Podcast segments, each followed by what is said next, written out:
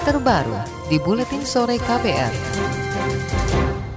Saudara Menteri Agama Fahrul Razi mengharuskan Majelis Taklim terdaftar di Kementerian Agama. Kewajiban itu dituangkan dalam bentuk peraturan menteri tentang majelis taklim. Salah satu syarat pendaftarannya adalah majelis taklim harus punya jemaah minimal 15 orang. Selain itu harus mengantongi surat keterangan terdaftar SKT dari Kementerian Agama yang berlaku lima tahun.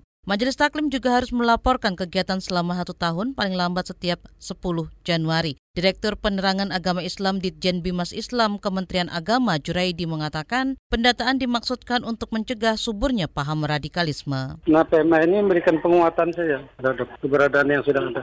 Ya kalau ter terkait dengan masalah uh, radikalisme pastilah majelis talim nggak mungkin mengajarkan uh, radikalisme kan dia mengajarkan agama justru dia yang membentengi umat membentengi umat dari uh, agar tidak terpapar paham radikalisme. Direktur Penerangan Agama Islam di Bimas Islam Kementerian Agama Juraidi menambahkan, tujuan lain dari pendataan Majelis Taklim adalah untuk memudahkan pemberian bantuan dana sosial dan pendidikan keagamaan. Juraidi menyebut majelis taklim termasuk lembaga pendidikan non-formal sehingga bisa saja diberikan dana bantuan pendidikan. Wakil Presiden Ma'ruf Amin mendukung pendataan majelis taklim oleh Kementerian Agama. Pendataan perlu dilakukan untuk mengetahui jumlah dan kegiatan majelis taklim se-Indonesia saat ini. Menurut Wakil Presiden, pendataan Majelis Taklim juga bertujuan mengantisipasi tumbuhnya paham radikalisme di masyarakat. Dilaporkan lah kira-kira itu, supaya tahu bahwa ada Majelis Taklim ya mungkin anunya itu dilaporkan jadi kalau orang mungkin majlis salim lapor lah gitu kira-kira tapi perlu nggak bah untuk hal itu Sampai. ya untuk data saya kira perlu Wakil Presiden Ma'ruf Amin menambahkan keharusan mendaftarkan majelis taklim ke Kementerian Agama agar tidak ada majelis taklim yang mengajarkan paham radikalisme. Ketua Umum Badan Kontak Majelis Taklim BKMT Syifa Fauzia mengaku sudah berdiskusi dengan Kementerian Agama terkait penerbitan peraturan Menteri Agama tentang Majelis Taklim. Menurut Syifa, dari hasil diskusi itu disimpulkan tujuan utama pendaftaran untuk membantu pendanaan. Selain itu, Kementerian Agama juga tidak akan memberi sanksi apa-apa seandainya ada majelis taklim yang tidak mendaftarkan lembaganya. Saya juga pada saat itu bertanya terus untuk beberapa uh, untuk banyak majelis taklim misalnya yang memang tidak membutuhkan dana karena ada swadaya sendiri dari ustazahnya, swadaya dari jamaahnya dan lain sebagainya itu seperti apa? Apakah nanti akan dikenakan sanksi bila memang mereka tidak terdaftar dan lain sebagainya?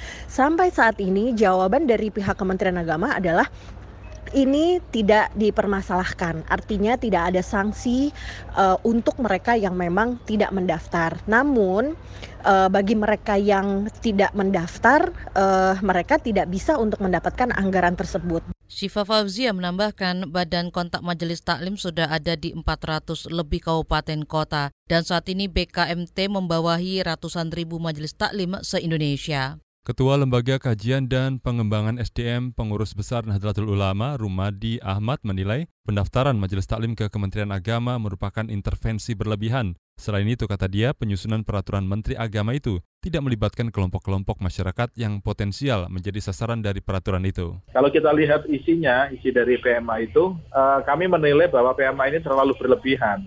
Berlebihannya itu karena gini, uh, Majelis Taklim itu sesuatu yang sudah hidup dalam masyarakat dan mereka bisa meregulasi dirinya sendiri. Jadi selama ini tanpa aturan uh, yang dibuat oleh pemerintah, Masjid Salim itu sudah hidup uh, sesuai dengan denyut nadi yang ada dalam masyarakat. Ketua Lakpesdam PBNU Rumadi Ahmad menegaskan Kementerian Agama seharusnya memberdayakan pengelola majelis taklim jika ingin memberdayakan lembaga tersebut, bukan malah mengintervensi kelembagaannya. Ia menyarankan jika Kemenak ingin membantu dana kepada majelis taklim, sebaiknya dana itu diberikan kepada sekolah formal seperti Madrasah Dinia, Mahat Alia, Madrasah Dinia Takmilia, dan lainnya. Menurutnya, sekolah-sekolah tersebut yang selama ini justru kurang diperhatikan Kementerian Agama. Kritik senada juga disampaikan Ketua Umum PP Muhammadiyah Haidarah Nasir. Menurutnya kewajiban mendaftarkan majelis taklim ke Kementerian Agama terkesan terlalu jauh mengatur ranah aktivitas keumatan di akar rumput atau jamaah. Melalui rilis resminya, Haidar Nasir menilai kegiatan keagamaan di ranah umat seperti Majelis Taklim justru bisa menghidupkan spirit keislaman yang tinggi dan sangat positif, misalnya untuk menanamkan, memahamkan, dan mengamalkan Islam secara baik serta benar. Saudara sejenak kita berolahraga bersama Astri Yuwanasari.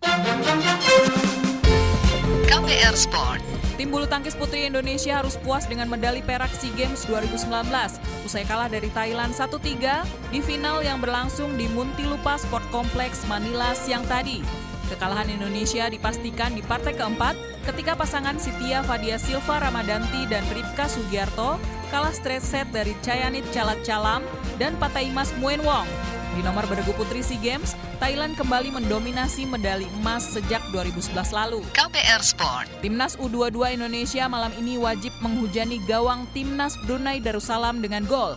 Di laga keempat grup B SEA Games 2019 di Stadion Binan, Filipina, Timnas Merah Putih memang harus menang dengan banyak gol demi menjaga asa melaju terus ke babak selanjutnya.